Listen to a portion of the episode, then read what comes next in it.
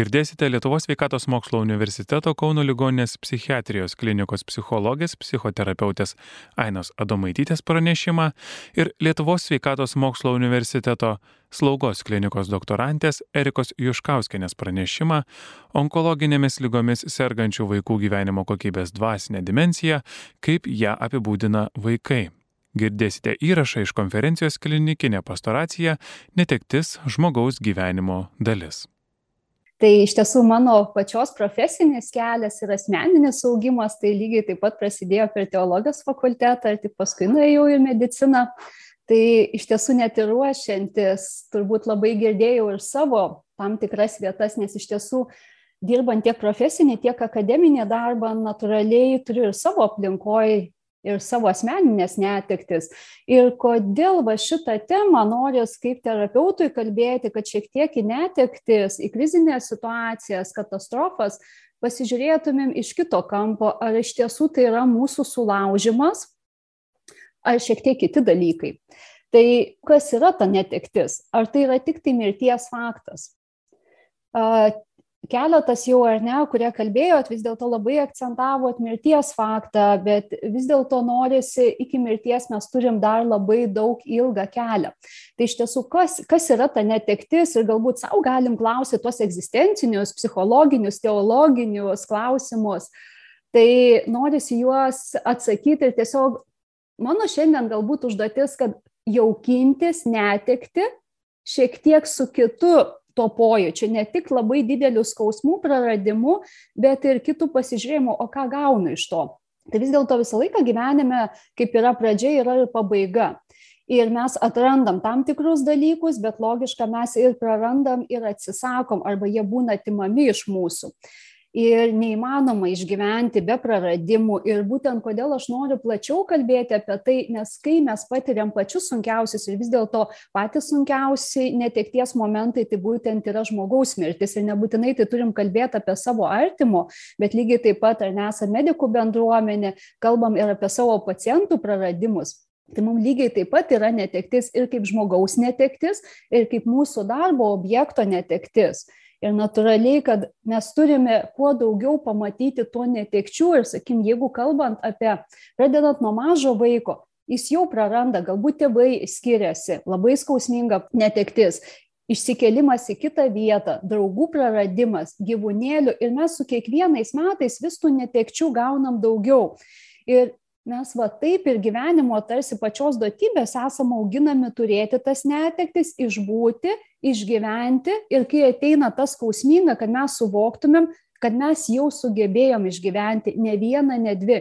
Galbūt vieną vienaip išgyvenam su labai dideliu skausmu, gėdėjimu, kitą galbūt su pykčiu, kas irgi būna, kitą ne, galbūt visai atsiribodami pamesdami visas savo veiklas, visą savo funkcionavimą, bet vis tiek, jeigu mes esam čia ir dabar, tai mums pavyko išgyventi.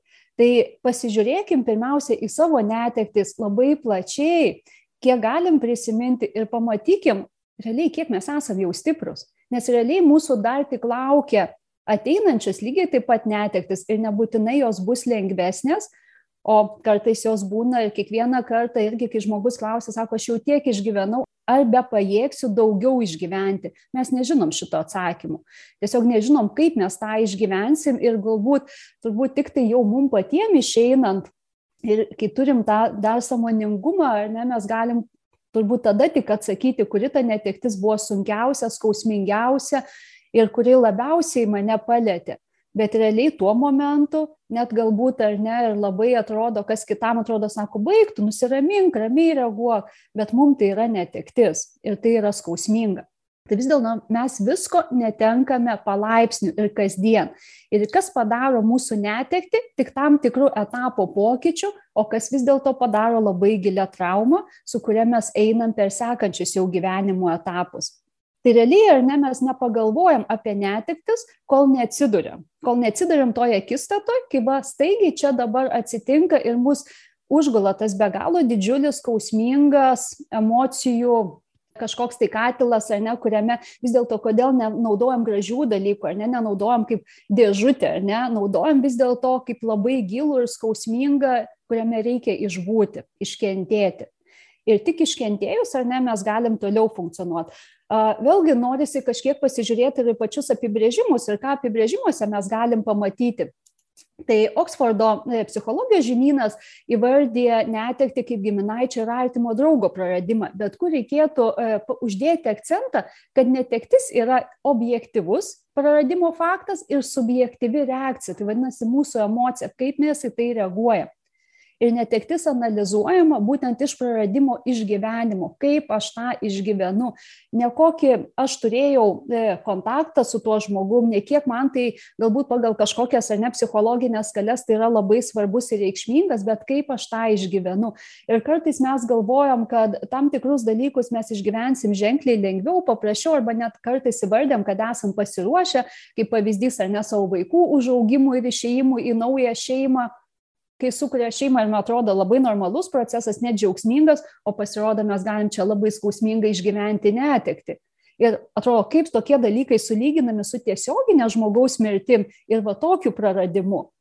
Tiesiog aš prarandu tą turėtą kontaktą ir turiu išmokti priimti tą naują kontaktą. Amerikos psichologų asociacijos apibrėžimas taip pat kalba apie netekties praradimo jausmą ir, aišku, vėlgi įvardė pačius artimiausius žmonės, savo artimų, bet vis dėlto šitoj vietoj, kalbant mediką, na, man pacientas, jisai kol yra kontakte su manimi, jisai irgi yra man artimas. Taip, tai yra mano darbo objektas, bet aš negaliu pasakyti, kad tai yra tik statistinis vienetas, ar ne, kurį gauni lygos istoriją, gauni jo gydimo eigą dėlioji tai vis tiek tai yra irgi žmogus, yra skirtumas tarp mylimo žmogus, bet tai yra artimas žmogus. Ir vis dėlto šitoj vietoj aš savo keliu labai didelį lūkestį, ar ne, kad natūraliai mes kiekvienas į mediciną su kuo ateinam su galimybė padėti, išgelbėti, stiprinti, aš jau kaip psichologas sakau, stiprinti ir auginti tą asmenybę. Ir šitoj vietoje, jeigu jam nepavyksta išgyventi dėl vienų ar kitų dalykų, ar, sakim, šiandien dienai COVID laikotarpį, ypatingai dėl visų somatinių susirgymų, tai yra labai skausminga ir tai yra tuo pačiu ir mūsų dar vienas praradimas prie tų asmeninių praradimų. Tai kaip mes netikti išgyvenam? Tai kiekvienas suaugęs žmogus ar ne vis daugiau tų netekčių daugėjant, jisai kokius dalykus išgyvena, kaip tie dalykai pasireiškia ir pasijunta. Tai netekties išgyvenimas yra sudėtingas ir labai individualus procesas. Ir kas yra labai svarbu paminėti, kad būtent apima visas žmogaus gyvenimo sritis. Tai būtent ir fizinė, ir psichologinė, ir socialinė, ir aišku, taip pat dvasinė netekties išgyvenimas priklauso nuo daugelio tiek vidinių, tiek išorinių ir ypatingai, va ką ir minėjot, ir tarp asmeninių santykių, kultūrinių, kokiam aš esu laikotarpėje. Ir paprastai atsiliepia mūsų visose srityse. Tai negalim sakyti, kad jeigu aš išgyvenau netikti darbe savo paciento arba savo netartimo kolegos, kas irgi kovininiam laikotarpį nu, teko pajusti ir turbūt išgyventi galbūt ne vienam, tai nereiškia, kad tas nesijaus mano šeimoje, nereiškia, kad nesijaus mūsų pomėgiuose. Tai tiesiog mes šitoj vietoj bet kokią netekti pajutę ar negi būnant su jie, mes visur tarsi sustojam ir visas savo vietas mes kitaip jau priimam ir kitaip išgyvenam. Tai aišku, keičiasi ir mūsų ir miegas, keičiasi mūsų fizinis aktyvumas, keičiasi mūsų psichologinė būsena, norėjimas turėti kontakto arba kaip tik nenorėjimas turėti kontakto. Tai tiesiog labai mes turim stebėti ir žiūrėti save ir pastebėti, kurioje vietoje mes sustojam. Nes vis dėlto tikslas yra, kad ir kaip tai baisiai beskambėtų, ir aš keletą kartų tą minėsiu, bet netektis tai mums yra galimybė kitaip vėl ateiti tą gyvenimo etapą, ne tą naują etapą, bet vis dėlto nesustoti, bet ateiti. Dar vienas e, svarbus dalykas, kad koks pagrindinis yra momentas, tai yra gedėjimas. Ir nesvarbu, ar mes kalbėtumėm apie mirtį ar apie bet kurią kitą netekti, kuri mums yra skausminga, tai gedėjimas yra neatsiejamas. Ir kas yra labai svarbu, kad gali būti suvoktas ir neįsisamonintas, ką tai reiškia tai vis dėlto kuris yra geresnis ir atrodo toks klausimas egzistencinis ir logoterapija labai dirba su tuo ar gali žmogus pasiruošti netekčiai ją priimti sąmoningai ar ne tai turbūt, kad vis dėlto iki galo suvokto jo negali būti, bet vis dėlto aš kažkiek tam ruošiuosi ir nusiteikiu ir tarsi net savo elgesio formas, išraiškos formas bandau, o neįsisamonintas yra, tai daugiau kaip psichologas tą tenka pamatyti jau terapiniam darbe, kai žmogus neigia. Stebisi, nepriima, jam tai yra didžiausia nuostaba, tai neįmanomas įvykis ir aš galbūt va šitoj vietoje pačios yra ta patirtis, aš jau netoli 20 metų dirbu, bet epizodiškai vis kažkur savanoriauju. Ir viena mano savanorystė buvo su onkologiniais vaikais. Ir šitoj vietoj aš tą labai savo suvokiu, kad va, mano tas neįsisamonintas netekties suvokimas ir prieimimas, suprantu, kai žmonės miršta suaugę nuo visokių lygų. Nors pati esu medikė, pati dirbu gydymo įstaigoje, bet man priimti to kiekvieno kūdikėlio, vaikelio išėjimą su onkologinė lyga nu, buvo, tarsi norisi sakyti, misija neįmanoma. Tai va ir tuo momentu, tuos kelis metus dirbant, labai prašiau to suvokimo, kaip suvokti tą faktą, kad gali būti tas vaikelis kelių metų, jis jau gali ateiti su tokia lyga ir jo čia šitoje žemėje buvimas yra labai laikinas. Tai mes turbūt kiekvienas va, turim tam tikras netektis, kurias suvokiam ir kad ir sunkiai, bet priimam ir yra neįsisamonintas. Suvokimas ir natūraliai, kai yra neįsisamonintas, tada kyla ženkliai daugiau emocijų ir mums sunkiau išbūti su tuo kaip pats e, gedėjimas, tai kas yra, e, turbūt yra normalus procesas, jisai turi trūkti, bet jisai neturi trūkti amžinai ir neturi būti kaip pasirinkimas gyvenimo. Ir, ir va šito vietoj, kalbant apie savo patirtį, iš karto tie vaizdiniai, kur mamos netekusios vaikų ar mažesnių ar didesnių, jos tarsi labai save sustabdo gyvenime ir pasilieka tik tai funkcionavimas, toksai egzistavimas. Ir visai dinksta visi kiti jos pasirinkimai, net kiti vaikai partneris, gyvenimo situacijos visos, nes ties tuo jinai pasiima, kad jinai viskas dabar gėdės, jinai nebeleis savo gyventi ir išgyventi to gyvenimo. Tai labai vis dėlto svarbu, kad va čia jau turim galvoti apie kokį tą netekčių tą sąrašą turim, pirmiausia pagalvokim, ar su kažkuria netektim nesustojom per daug ir per ilgą laiką, ar neatsisakėm kažkokių dalykų ir galbūt net ir šiandien, va, kurie e, čia esat, ar ne, gal ir pagausit save, kad jau esat per ilgai ir reikėtų kažką su tuo daryti. Tai vis dėlto pagrindinis dalykas - netenkam mes, bet neturim prarasti savęs. Mes turim ar ne persikrovimas turi įvykti.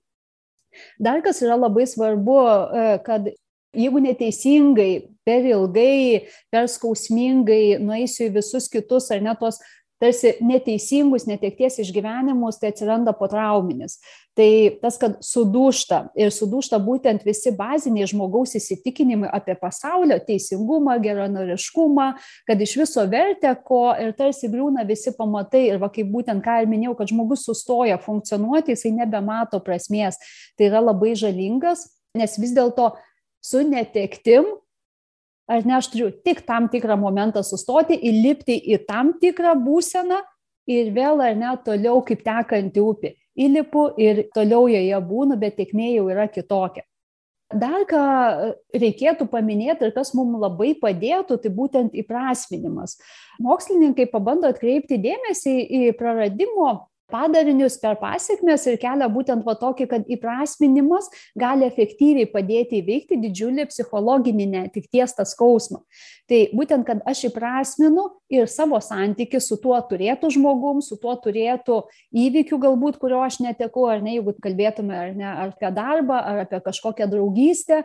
Franklis taip pat labai panašiai iš egzistencinės traumos tą įvardė, kad visų pirma tai yra prasmės paieška mano naujam gyvenimo etapui, ką man davė turėjimas to žmogaus, to santykio ir ką man davė ir duoda netektis. Kad vis dėlto nesu netektim aš nededu taško, o kaip tik kyla egzistenciniai dalykai. Ir netekties įprasminimo svarba yra labai svarbi tolimesniam adaptacijos procese. Ir čia galima du dalykus išskirti aš visą laiką mėgstu remtis mokslu ir visą laiką, kai dirbant su pacientais, sakau, nu viskas yra paskaičiuota, ne, mūsų logika.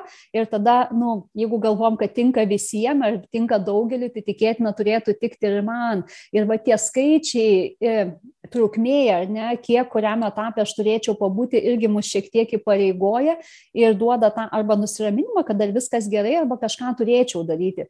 Tai pirmiausia yra, pirmas ar ne etapas yra netekties reikšmės suvokimas.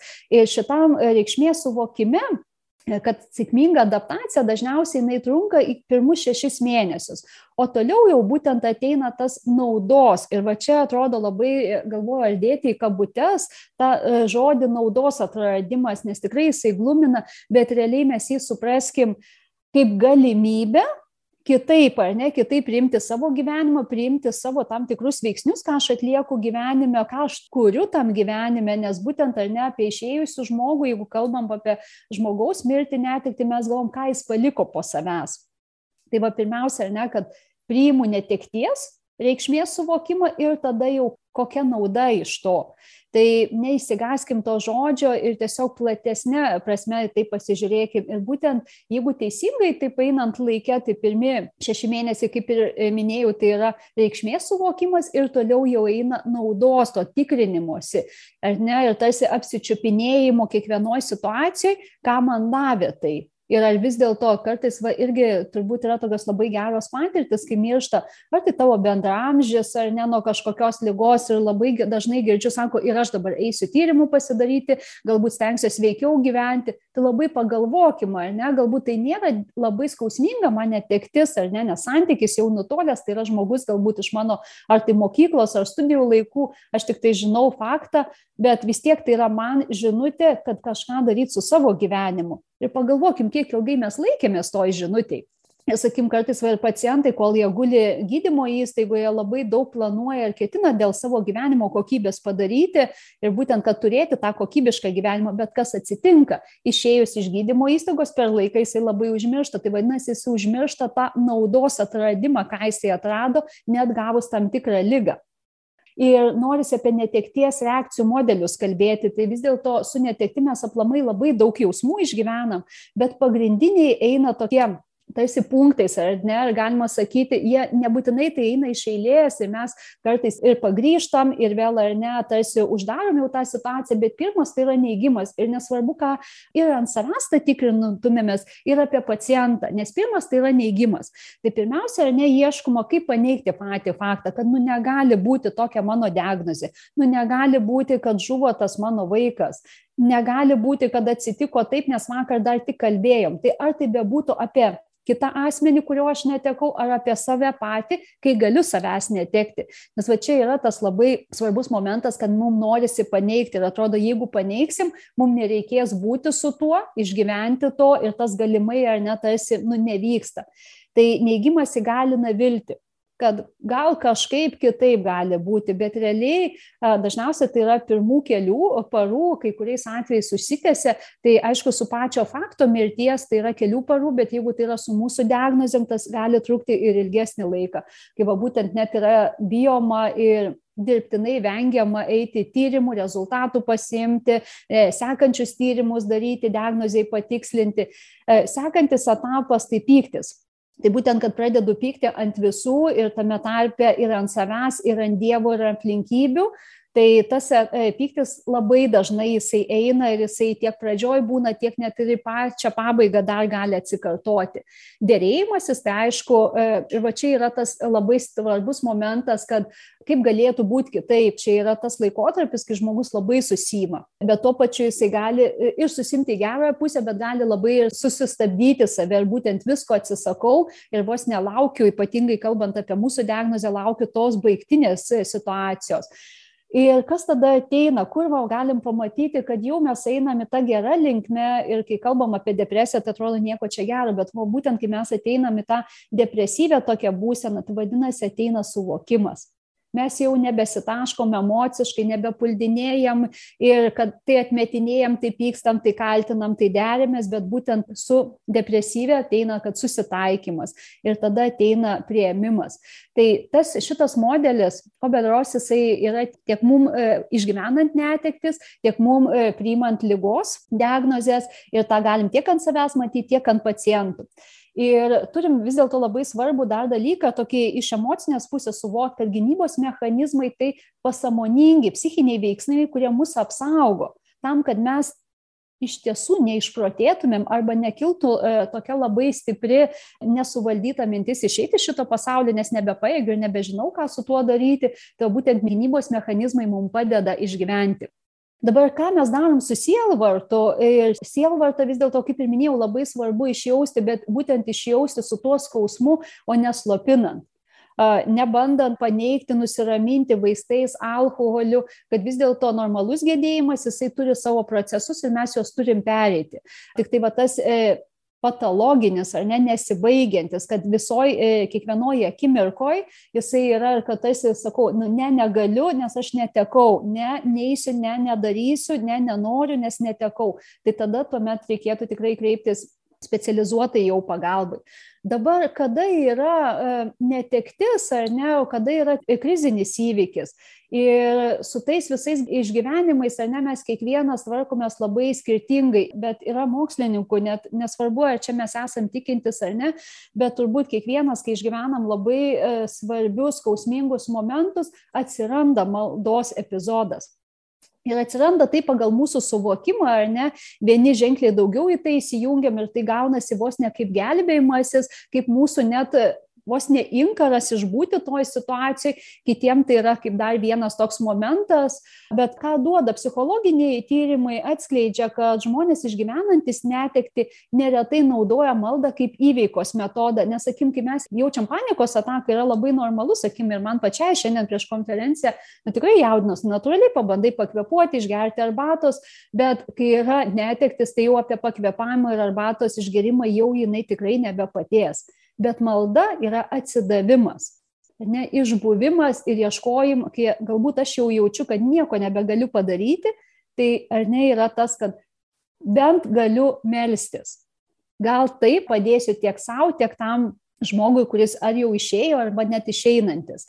Ir būtent malda gali suteikti netekusiam jausmą, kad jis ką nors daro ir aktyviai daro. Ir va čia yra labai svarbus momentas, aktyviai daro ir dėl savęs, ir dėl mirusiojo arba to išeinančio. Nes kai kuriais atvejais mes mum ir pasako, ar ne, nu, liko kelios ten dienos, ar nereikia su tuo susitaikyti, aš jau nieko nebegaliu padaryti.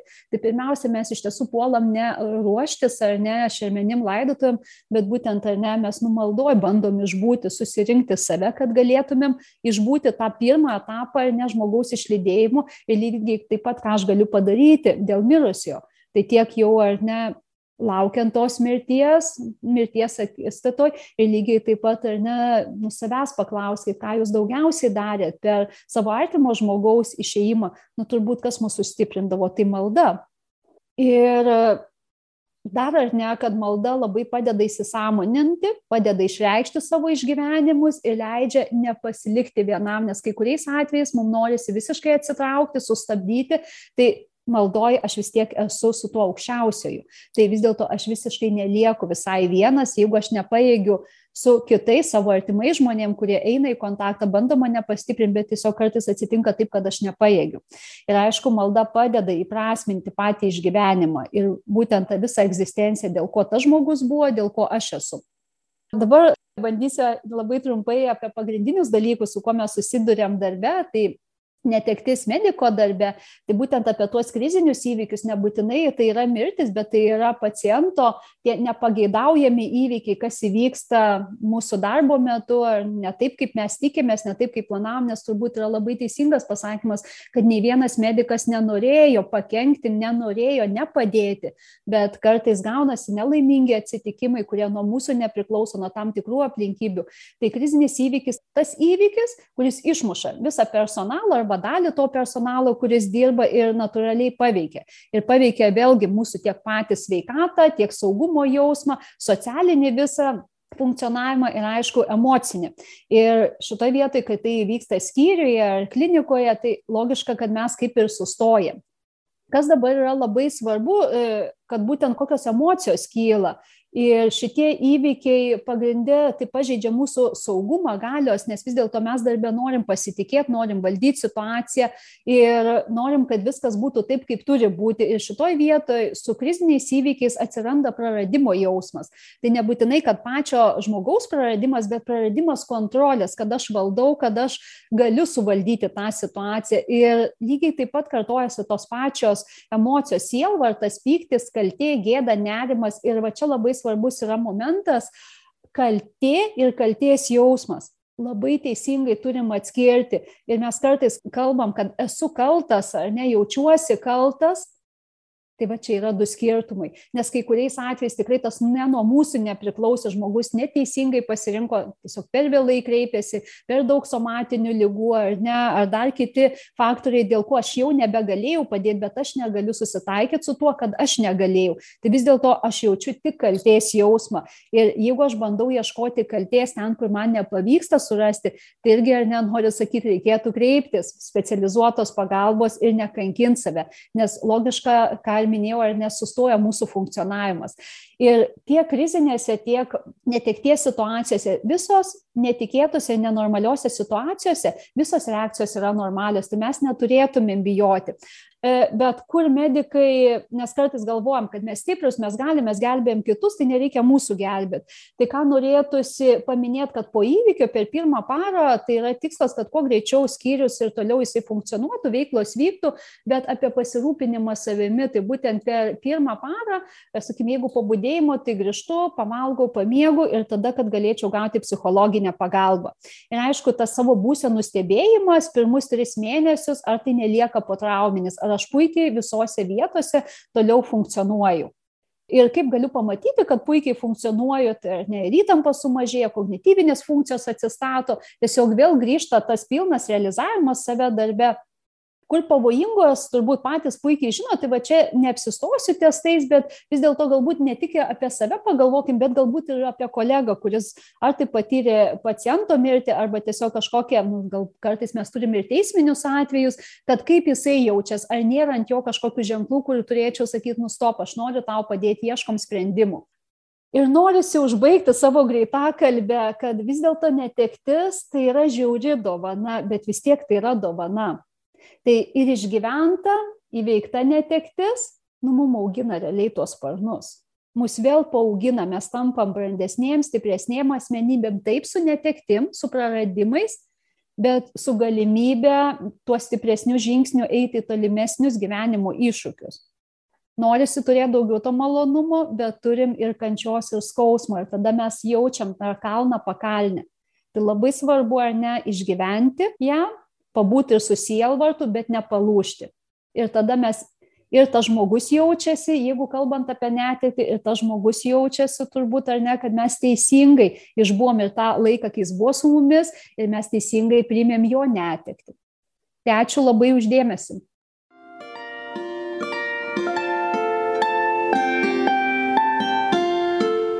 Jūs girdite Marijos radiją.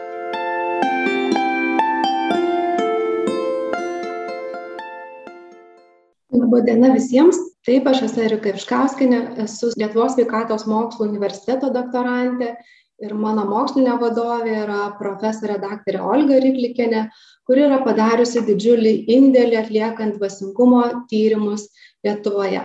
Na ir šiandieną mes kviesime jūs pakalbėti ir susimastyti apie onkologinėmis lygomis sergančių vaikų gyvenimo kokybės dvasinę dimenciją ir supažindinsime trumpai, kaip ją apibūdina vaikai. Yra begalės dvasingumo apibrėžimo ir mes parinkome vieną iš jų, kuris yra tikrai puikiai atspindintis ir išaiškinantis, kas tai yra dvasingumas, kad tai yra universalus fenomenas, slypintis giliai asmenybėje.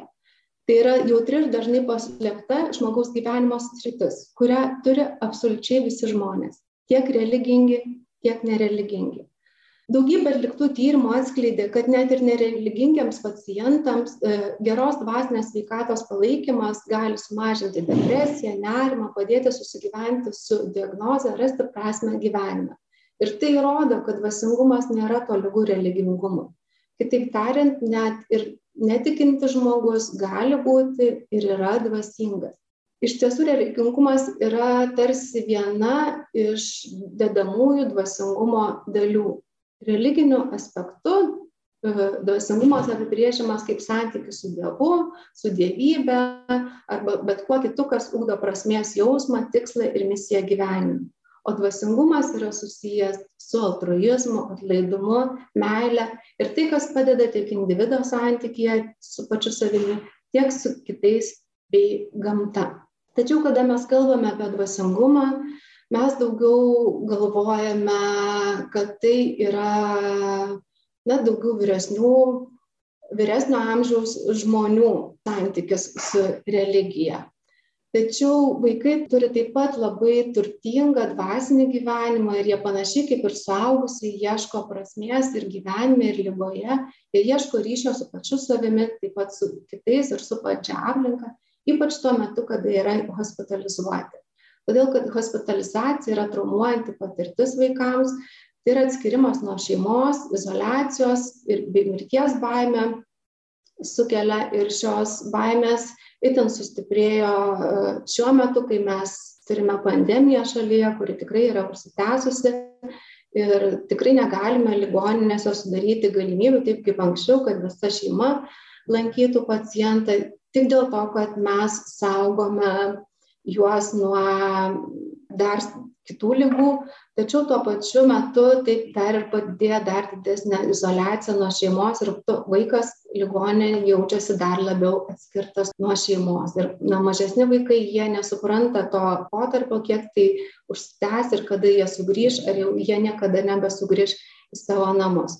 Ir ši patirtis gali netgi paskatinti ir dvasinės krizes dvasinės krizės vaikų amžiuje pasireiškia įvairių destrukciniu vaiko elgesiu. Vaikas pasidaro piktas, laužo daiktus, ne, nenori užsimti tą veiklą, kuri anksčiau jam teikdavo malonumą ir kurią jis nori užsimdavo, tampa virksmingas arba kaip tik labai uždaras ir apie nieką su niekuo nenori bendrauti nei kalbėti. Jeigu mes kalbame apie holistinį požiūrį pacientą, tai mes turime atliepti ne tik jo fizinius socialinius emocinius poreikius bet ir dvasinius poreikius. Todėl kad dvasinė gerovė yra labai svarbi sergančio vaiko visuminei gyvenimo kokybei kaip ir likusių kitų fizinių emocinių ar socialinių poreikių patenkinimas ir dvasinė gerovė yra besąlyginė dvasinės sveikatos išlyga. Nes nustačius žemą dvasinės gerovės lygmenį bei identifikavus dvasinę disharmoniją aiškėja dvasinės gerovės poreikiai bei probleminės sritys na kyla daugybė klausimų kas turėtų atlikti tą vaidmenį kad identifikuoti dvasinius poreikius atliepti juos teikti dvasinę priežiūrą pacientams tuo metu kai jisai yra ligoninėje. Tai minčių yra įvairių kad tai yra bažnyčios reikalas kunigo kapeliono ar dvasinio asistento. Na mes esam palaiminti savo ligoninėje mes turime puikią dvasinę asistentę svetlaną taip pat ir kapelionus na svetlana ne tik puikiai suorganizavo ir mus subūrė šiandieną visus į konferenciją tačiau kiekvieną dieną nuo ryto iki vakaro ji rūpinasi mūsų pacientais tiek mažaisiais tiek e, įvairaus amžiaus bei jų artimaisiais teikia jiems dvasinę pagalbą bei paramą. Dar yra nuomonė kad e, galbūt tai yra šeimos reikalas ir mes nesikiškime o mes galime pasakyti kad rūpinimasis dvasiniais pacientų poreikiais yra ir slaugytojo pareiga. Nes jeigu mes siekiame užtikrinti holistinę pacientų priežiūrą mes turime atliepti ir jų dvasinius poreikius. Kyla nemažai iššūkių siekiant e, užtikrinti tos dvasinius poreikius ir tas priežiūros aspektas yra tikrai labai dažnai praleidžiamas slaugoje ir dėl įvairiausių priežasčių. Tai kaip ir minėtos na slaugytojai mano kad tai yra ne jų darbas kad jos stokoja laiko jų yra dideli darbo krūviai arba jų prioritetai yra na medicininės ar slaugos procedūrų atlikimas bet ne dvasinė parama o kas tai yra dvasinė parama tai yra menas tiesiog būti su pacientu. Tiesiog išbūti su pacientu ir mes tuo savo buvimu jau jam teikiame paramą. Na lietuvoje onkologinėmis ligomis sergančių vaikų gyvenimo kokybė dvasinė sveikata bei dvasinė gerovė kaip pediatrinės slaugos dedamoji yra tikrai labai mažai nagrinėta pirmiausia dėl sąvokų sudėtingumo reiškinių sudėtingumo bei neapibrėžtumo kas tai yra. Dėl specifinės tiriamųjų grupės na tiriamieji vaikai yra jautri grupė ir taip pat dėl to kad nebuvo lietuvoje tinkamų instrumentų lietuvių kalba. Mes atlikome interviu į interviu pakvietėme dvidešimt septynis onkologinėmis ligomis sergančius pacientus kurie buvo hospitalizuoti ligoninėje. Mūsų pacientų amžius buvo nuo penkių iki dvylikos metų. Jiem buvo pirmą kartą hospitalizuota onkologinė liga ir jie nebuvo neturintys kitų lėtinių ligų mes vaikų klausėme aštuonių klausimų. Tai pirmieji trys buvo skirti daugiau užmegzti tam tyrėjo slaugytojo tyrėjo ryšiui drauge su pacientu.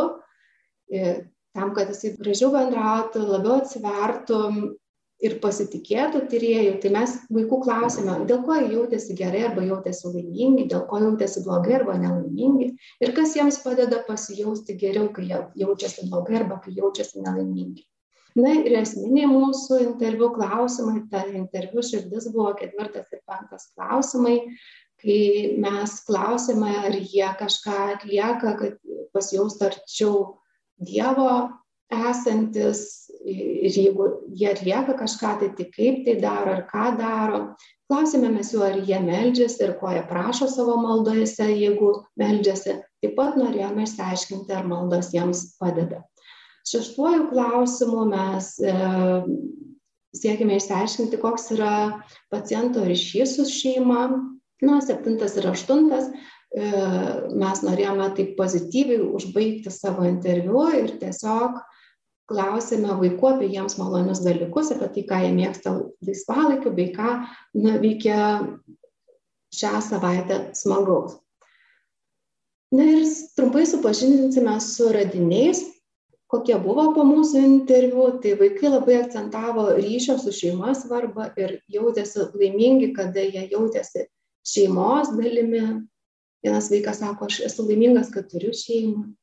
Kitas kai visa šeima būna kartu juokiasi ir kalbasi kita mergaitė jau vyresnio amžiaus kada vaikam pasidaro ne tik šeima bet ir draugai labai svarbūs tai jaučiasi laiminga būdama su draugais darydama tai kas patinka skaitydama knygas plaukiodama važinėdama riedlente klausydamasi muzikos. Taip pat yra labai svarbus ir fizinis ryšys šeimos mamos apkabinimai kitų šeimos narių apkabinimai mūsų interviu dalyvavę vaikai akcentavo kad tai yra labai svarbu ir jie dėl to jaučiasi labai laimingi. Na bloga savijauta ir skausmas ypač su procedūromis susijęs skausmas buvo tie aspektai kurie vertė vaikus jaustis blogai arba jau e, nerimauti. Vienas vaikas sako kai sako kad reikės tyrimus kiekvieną kartą kai ima kraują man skauda. Man visada skauda. Kai pasako kad vėl badys kai pablogėja savijauta ir tyrimai nes tada dar turiu likti ilgiau čia na jis supranta tada kad jeigu tyrimai blogesni ir hospitalizacija bus ilgesnė vaikai jautėsi blogai ar buvo nelaimingi dėl išvaizdos pokyčių susijusių su sveikata. Viena mergaitė kuri labai mėgsta bendrauti turi begalę draugų kurie jai skambindavosi naudodamiesi įvairiomis šiuolaikinėmis technologijomis, jis sako, man nepatinka naudotis kamerą, kai bendrauju su draugais. Man nepatinka, kad jie spokso į mane. Aš atrodau bjauri su savo tą manulio veidą. Taip pat, na, išvaizdos pakeitimai ir kitai mergaitai turėjo reikšmę, nes neturiu plaukų, nei antakių, nei blakstienų, nieko. Ir tada atrodo, kad visi žiūri tokie vaikai jaučiasi na išskirtiniai išskirtinis dėmesys tas kuris jiems nėra malonus. Vaikai kreipiasi į dievą prašydami sveikatos bei kuo greičiau sugrįžti e, namo pas artimuosius ir sako aš tyliai meldžiuosi tiktai savo mintyse kad greičiau išgyčiau ir važiuočiau namo.